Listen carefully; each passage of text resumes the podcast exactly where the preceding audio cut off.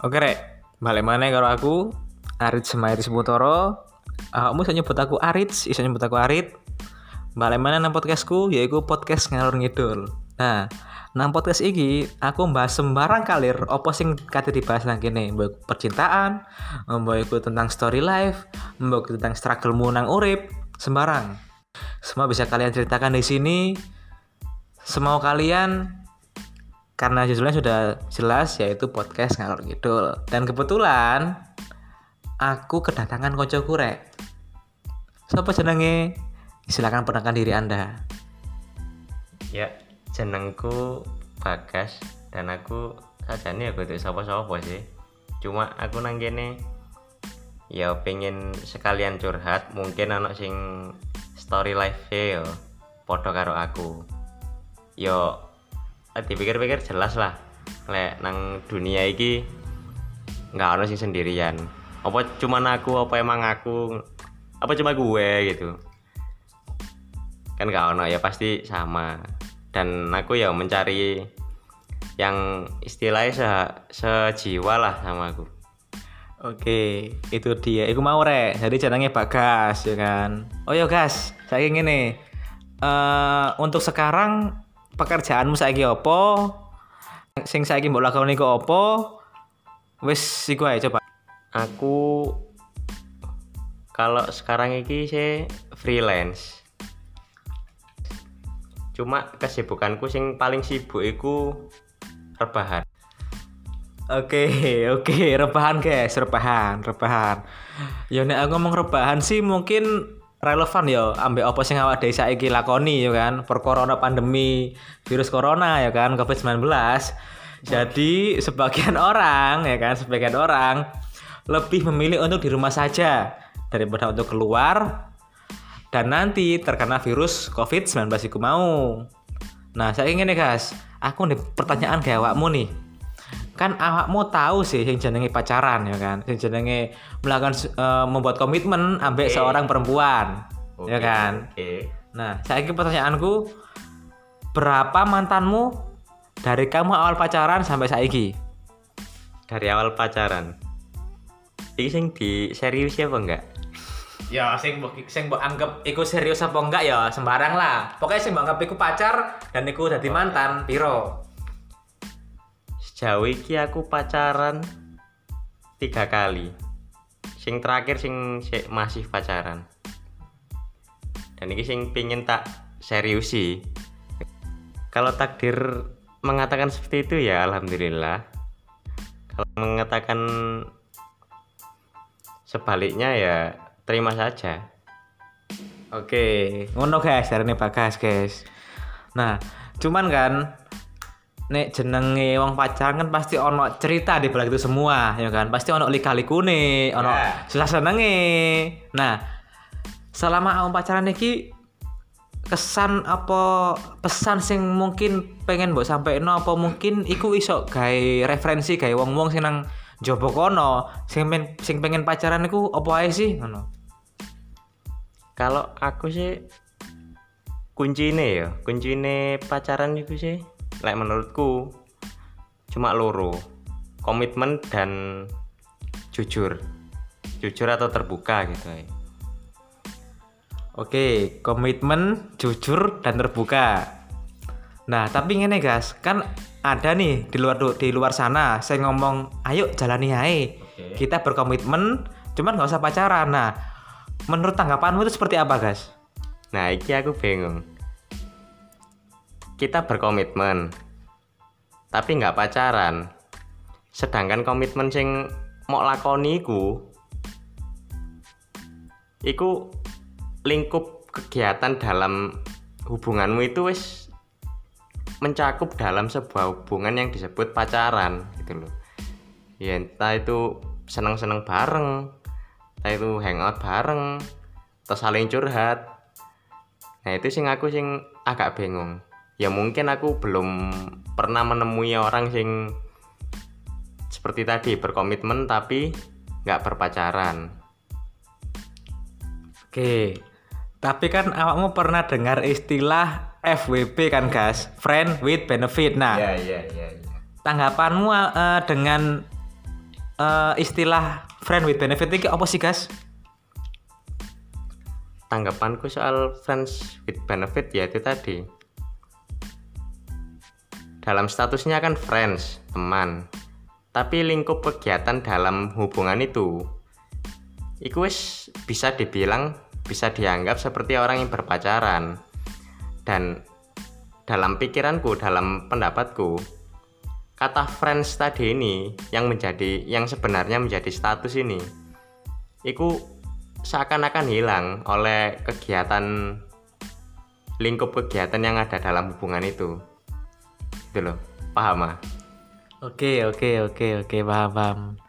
Dan mungkin kan eh, setiap orang kan punya durasi masing-masing yo nek pacaran. Nah, nek awakmu dhewe iku paling lama iku pirang tahun sih pacaran?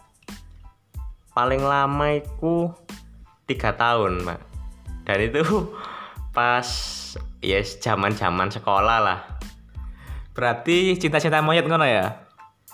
Ya enggak cinta monyet sih ya mungkin orang-orang bilangnya cinta monyet tapi ku ya masa tiga tahun cinta monyet gitu loh Tapi kan ini dalam konteks kita masih sekolah, ya kan? Kita masih dalam eh, naungan orang tua, biaya ditanggung orang tua, uang saku dibayar orang tua. Terus ketika kamu bicara masa tiga tahun cinta monyet, nah terus cinta apa dong? Tapi gini loh kan ada sih banyak di orang-orang di luar sana itu yang serius dari yang serius berhubungan dari masa sekolah sampai ke pernikahan. Nah itu loh. Dan kayak cinta monyet ini nggak nggak terlalu tak rasakan gitu. Soalnya dalam pas aku pacaran itu apa ya nyebutnya ya? Cinta monyet itu ya nggak tak rasakan. Jadi pinginnya itu serius terus tapi ya gimana lagi takdir bilangnya berbeda gitu. Takdir bilangnya kita harus berpisah. Ya ya udah ya awalnya memang sulit. Tapi ya kata orang waktu itu obat paling baik. Loh. Oke oke guys, cuman kan gini yo, nek carane wong wong iku halah, masih sak serius-serius wong sekolah iku memang serius apa sih ambek wong sing eh yang sudah melakukan sebuah komitmen di umur-umur sekitar 23, 24, 25. Memang se apa sih seorang siswa SMA dalam melakukan sebuah hubungan asmara itu seserius apa sih mungkin? Mungkin aku udah pendapat Leo tolong dijelaskan. kalau sing selamat selama tak lihat tak observasi selama ini yo cinta monyet itu banyak kan ya? Lah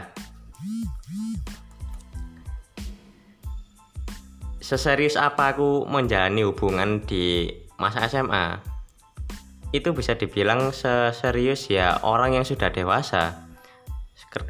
Kenapa? Soalnya aku itu wes terbiasa struggle kan ya?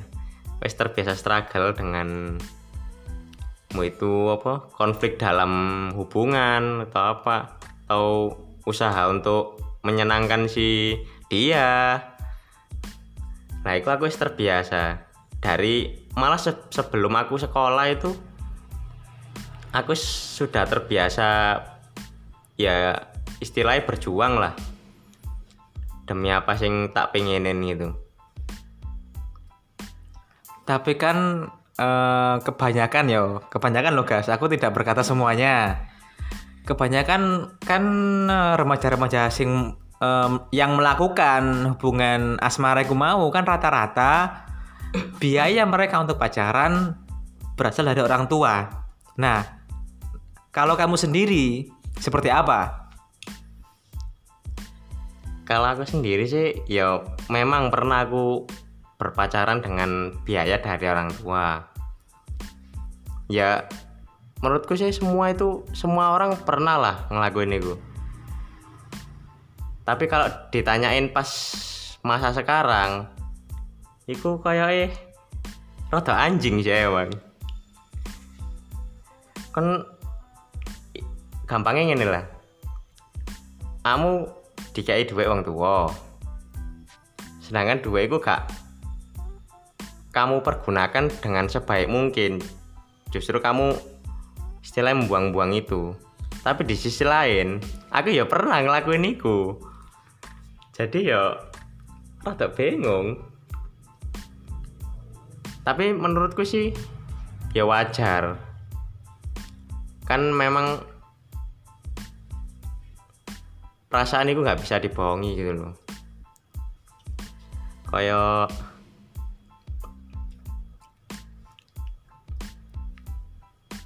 Oke, oke, oke, guys. Oke, ya, guys. oke, oke, oke. Pangkat.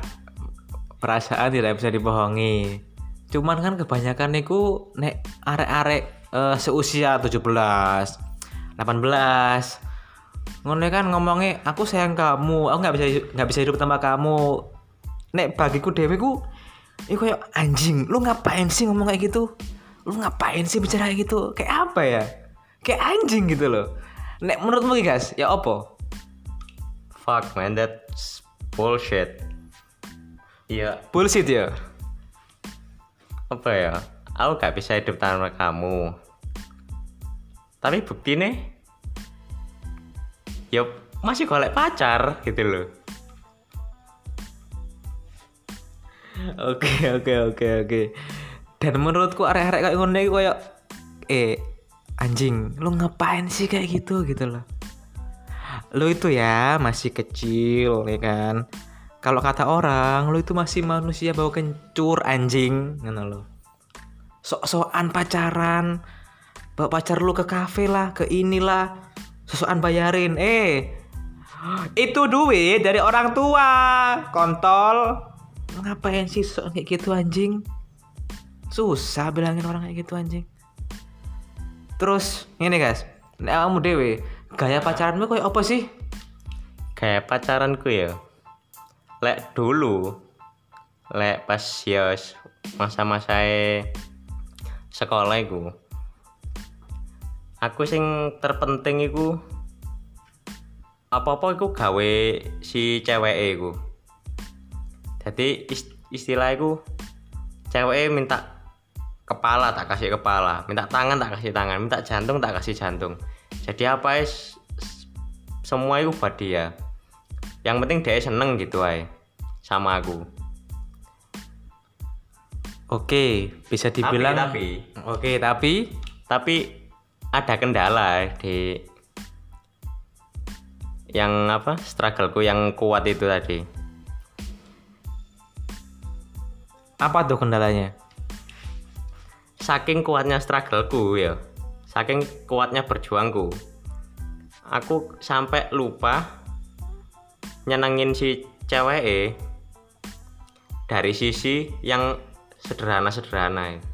Misalnya kayak ngobrol misalnya kayak dengerin dia curhat ngasih solusi dia pas ada masalah itu kan hal sing sepele tuh sing hal bukan sepele sih hal yang simple tuh dan justru nek saiki menurutku hal simpel iku justru iku sing mempererat ya mempererat suatu hubungan gitu. Jadi bukan cuma masalah materi bukan cuma hal bukan cuma masalah aku nukono dek iki nukono dek iki. Ya oke mungkin iku ngarai dek seneng. Tapi hal-hal sing lebih ke personal lebih ke membawa perasaan itu iku sing saya kita pikirno iku tak pertimbangno iku jauh lebih menyenangkan di suatu hubungan Nah, saya pertanyaanku apakah kamu, apakah lu, apakah kowe ya kan sudah melakukan itu dalam hubunganmu yang sekarang dengan pasanganmu tersebut? kalau dalam hubunganku sekarang dengan pasanganku ya aku sedang mencoba dan hasilnya cukup signifikan sih jadi aku mengusahakan meluangkan waktu kayak DE mendengar apa sing DE pengen curhat gitu. Ya yes, masalah. Ya kuncinya sih lebih banyak ngobrol lah lebih banyak interaksi. Kan dalam suatu hubungan kan komunikasi itu juga kunci gitu loh. Oke, komunikasi itu kunci. Uh, tapi uh, semisal nih, semisal kita LDR ya kan, kan nggak semua orang kalau pacaran itu kan berdekatan, ada yang LDR. Nah, bagimu ya kan, pendapatmu nih, pendapatmu tentang orang-orang yang berkomitmen tapi dia LDR, terus dia berkata, aku tetap mau sama kamu, tapi kamu bisa nggak jaga kepercayaanku? Nah menurutmu itu kira-kira itu sebuah kata-kata yang bullshit or not? Kalau pribadiku sendiri sih aku paling gak kuat sama ya LDR itu mang. Malah ya apa? Ya mungkin gak semua laki-laki ya.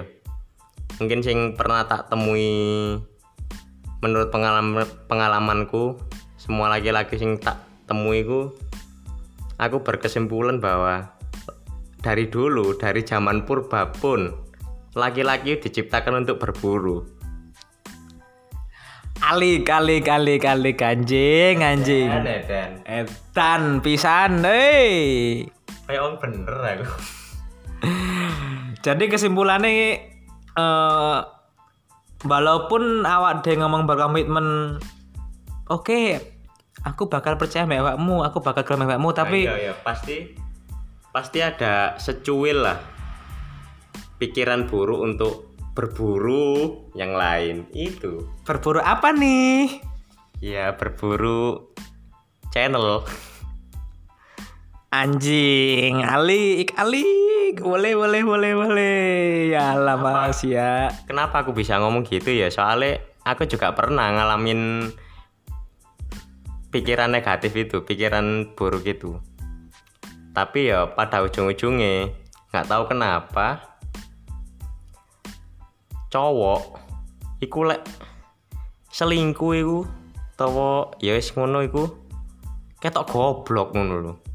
Mesti ketahuan ambek cewek dan aku gak ero apa ya mungkin cewek sing terlalu tulus apa ya ancene cowok sing goblok. Dalam menutupiku tapi nih guys nek jenenge yang pacaran pasti uh, semua apa pun pasti dilakukan sampai pacaran kan. Boyku pacaran jaluk ini boyku pacaran jaluk gini pasti kan akan dituruti. Iya tak ya iya dong. Bagaimana kamu ini? Nah nek nek jarene wong wong ya kan. Kalau orang-orang bilang ah bucin lu anjing nah menurutmu nih tanggapanmu kayak uang uang sing bucin di luar sana kayak apa sih? Bucin bucin. Lah aku dibilang bucin sih gak popo mungkin sing no aku bucin sing ngatain aku bucin iku perjuangannya gak sekeras aku di pasanganku. Atau mungkin jalan perjuangannya yang berbeda jadi takaran porsi berjuangnya itu berbeda. Jadi mungkin yang ngatain aku bocin itu porsi berjuangnya mungkin lebih rendah dari aku. Jadi deh belum tahu perjuanganku ke pasanganku itu ya apa. Ya gak apa-apa aku dilono bucin. Tapi gini guys ikan aku minta pendapatmu nih. Nah tanggapanmu menurut uh, tentang orang sing bucin itu salah gak sih? Ngono bucin itu gak salah. Justru sing salah itu sing gak tahu bucin. Kenapa kok kamu bisa bilang seperti itu? Ya mungkin ya dari sisi pandanganku. Orang yang nggak tahu bocin itu nggak pernah berjuang demi pasangane Oke, oke, oke. Berarti bisa dibilang dia tidak pernah struggle dalam hidupnya. Hidupnya hanya sekedar monoton, abu-abu. Ya enggak gitu sih. Ya mungkin dia berjuang dalam hal lain, mungkin dalam keuangan atau dalam apa pun itu. Tapi kalau dalam pasangan, bucin kan dalam pasangan. Ah, Nah mungkin dia kurang berjuang atas pasangannya. Ya mungkin pasangannya iku nggak nuntut dia untuk bucin. Tapi ya nggak apa-apa lah kalau sekali-sekali. Dulu maksudku. Oke oke oke. Berarti menurut tanggapanmu bucin itu tidak masalah ya kan? That's not problem. Tapi harus ada porsinya, ya kan? Iya. Harus ada takarannya dan harus sesuai. Ya itu harus sesuai maksudnya. Ya kalau memang sudah keterlaluan, ya kita bisa menilai sendiri apakah ini bucin yang level di mana level ini cocok untuk diri kita atau enggak. Tapi awakmu ro nggak sih guys? Kalau bucin itu dibagi menjadi beberapa level. Bucin level pocok. Ini guys, menurut artikel yang tak tak waca, bucin itu terbagi menjadi dua level. Yang pertama adalah bucin swasta, Swasta. yang kedua adalah bucin negeri. Oke. BUMN. Maybe like like that, maybe like that. Nah, tapi menurutmu nih, apakah bu, apakah bucin itu berbicara melulu tentang pasangan ataukah ada hal yang lain yang mungkin itu bisa di- dikategorikan sebagai bucin? Nah itu tadi kembali ke porsinya. Kembali ke kita ngomongin bucin itu pada tempatnya atau enggak. Ya mungkin kalau kita sedang bareng sama pasangan Ya nggak apa-apa kita bucin. Tapi kalau temen Kalau kita bareng temen Ya sudah. Ya kita ngobrol santai-santai aja sama temen. Selayaknya temen.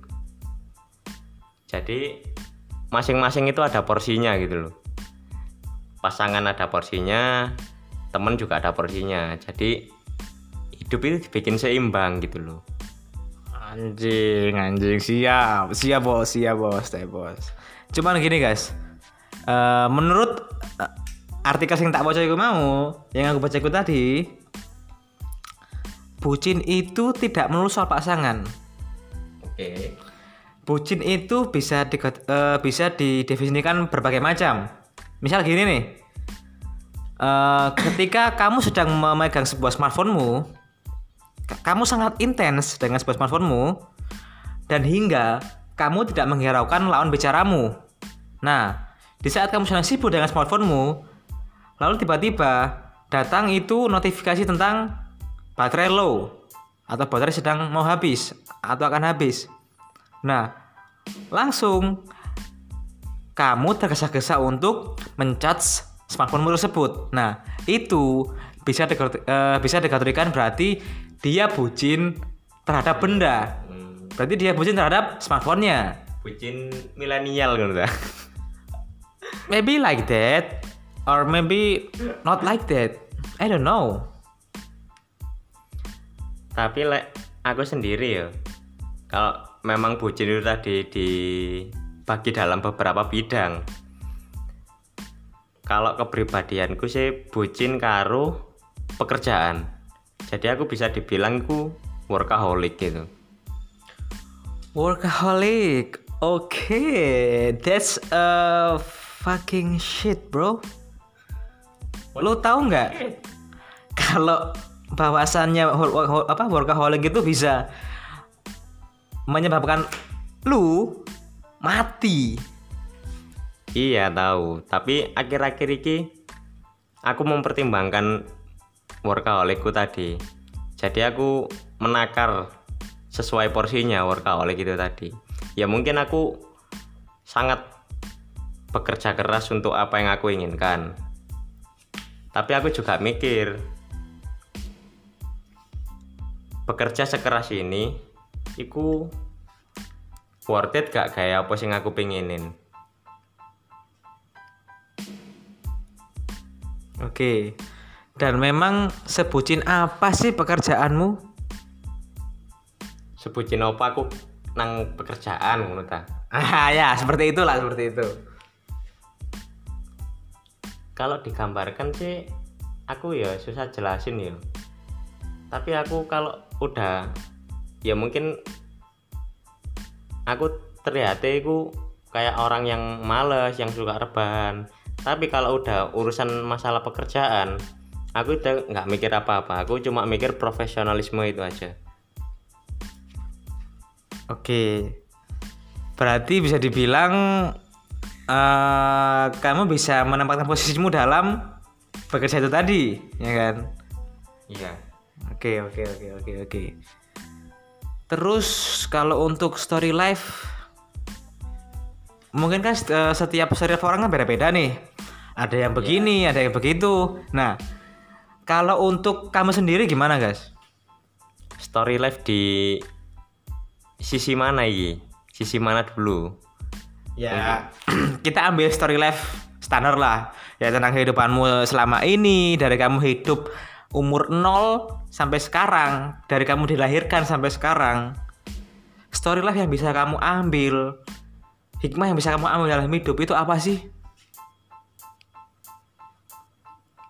Jadi yang sing iso tak joko neng teko kehidupan iki. Hidup iki gak melulu tentang berjuang. Hidup iki juga perlu santai. Dan yang paling penting menurutku, hidup iki butuh bersosialisasi.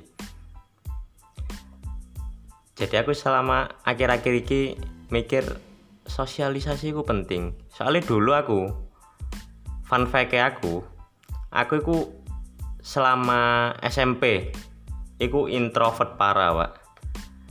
Separah itu ya? Parahnya gini. Aku iku tahu kelas 2 SMP.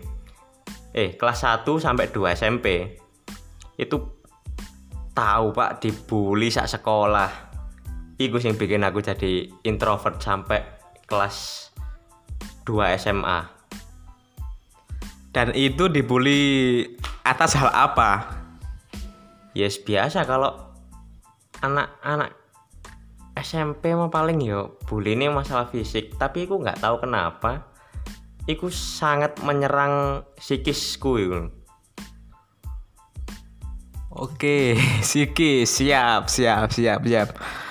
Dan setelah awakmu lulus SMP, kan beranjak SMA nih. Nah, SMA kan eh, bisa dibilang kamu kalau nggak salah eh, mengambil sekolah di SMK. Ya. Iya kan? Nah, memang di SMK itu bulian itu seperti apa sih? Ya kalau di SMK sih aku ngerasanya udah jarang ada yang bully. Pertama itu dari SMP, aku itu wedi mlebu sekolah itu. Soalnya trauma mbak bully ku mang bully di sekolah itu. Dan ternyata sejak aku masuk ke SMK tadi, di situlah aku pertama kali menemukan yang rasa yang namanya cinta gitu. Anjing alik, cinta bersemi di SMK. Boleh, boleh lah, boleh, boleh. Asik juga nih si Bagas tai. Anjing. Kayak kayak apa ya? Kayak kayak anjing gitu loh. Gini guys, kita balik ke topik ya tentang relationship. Memang cinta awalmu itu dari mana sih munculnya? Kalau nggak salah yo, yang di mana ya? Yang di SMK apa sebelumnya? Selama kamu hidup dari kamu umur 0 dilahirkan sampai sekarang cinta pertama itu siapa sih? Dan itu di mana Oh. dan kapan terjadinya? Aku pernah pas SD pak, pas SD ku tahu aku seneng arek wedok ngono kan ya.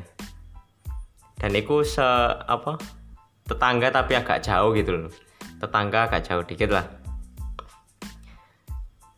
Ya iku aku udah suka itu dari kelas 6 SD dari kelas 6 SD itu aku ya wis biasa lah anak kecil jalanin hubungan kayak apa sih ya yes, kayak ya sewajarnya anak kecil. Tapi yang bikin aku sakit itu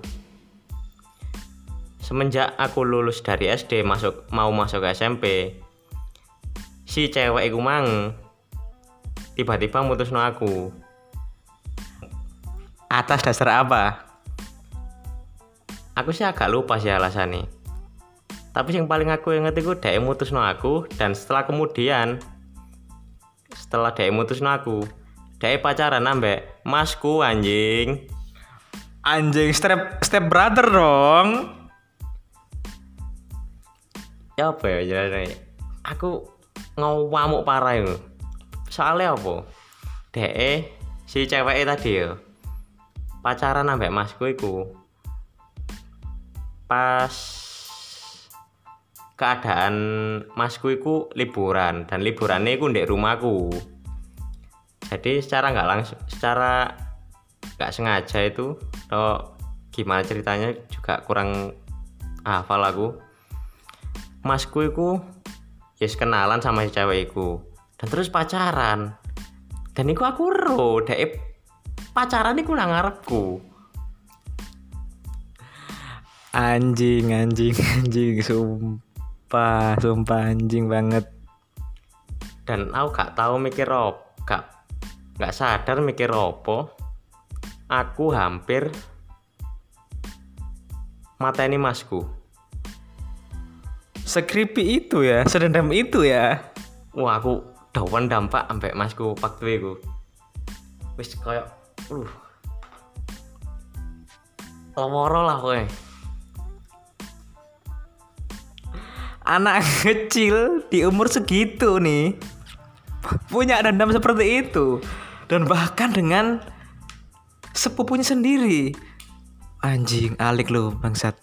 Sumpah anjing. Sumpah aku se, se sakit hati itu ya padahal aja sih cilik lho tapi kalau tak inget-inget lagi ya ya emang sawake aja ya gimana ya sing cewek itu pacaran di depanku ya kan udah dengan kesadaran penuh toh dia pacaran di depanku. Ah, sampai aku nganterin masku buat pacaran sama DE loh sama si cewek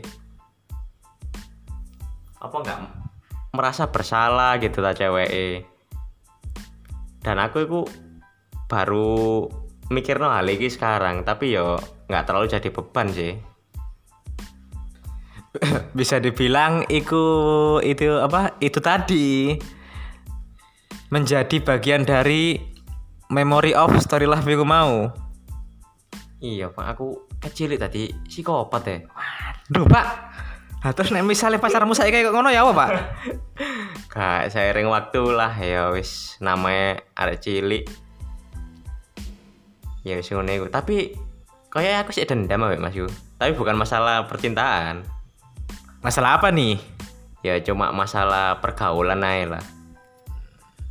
Jadi yo kesane ku suasana kalau ngumpul ambek Mas Yu dadi gak, gak enak ngono lek saiki. Jadi ibarat hati nih membara terus anjing anjing anjing bangsat bangsat gitu. Iya tadi pas kecilku iku, pas masa kecilku. Aku iku mesti ingin banget gitu dolen main ke rumahnya masku. Dan gak dan seiring waktu iku nggak tahu kenapa semakin tambah usia aku semakin males. Ya itu kan- ya itu tadi. Suasana jadi kayak nggak enak gitu loh. Yo mungkin bisa jadi karena dendammu yang di waktu itu. Ya I don't know. Gak, kalau itu wis gak tadi masalah.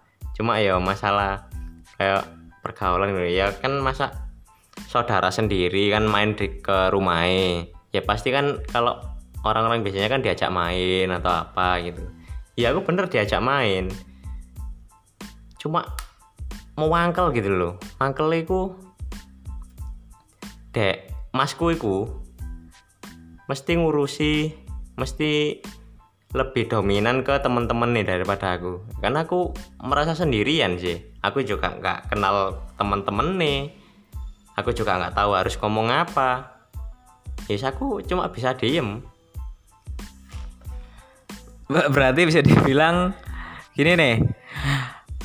eh kamu berada di satu di sebuah lingkup nih, di sebuah lingkup lingkaran perkumpulan seorang anak-anak muda. Tapi kamu dianggap tidak ada. Like that. aku pernah sih berpikiran kayak gitu di aku di tengah sebuah circle pertemanan gitu tapi aku dianggap nggak ada gitu.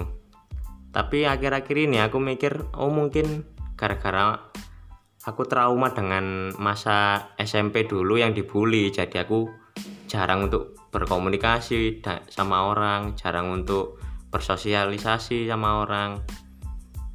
Jadi mungkin mereka berpikir oh ya udah biarin aja mungkin dia bagas sih bagas nggak mau temenan tapi padahal aku pengen cuma aku nggak tahu cara mendekati seseorang itu gimana gitu. Eh, berarti bisa dibilang mungkin eh, like you are insecure like that. ya kalau bahasa sekarangnya sih insecure ya insecure Ya itu pak. Itu pak.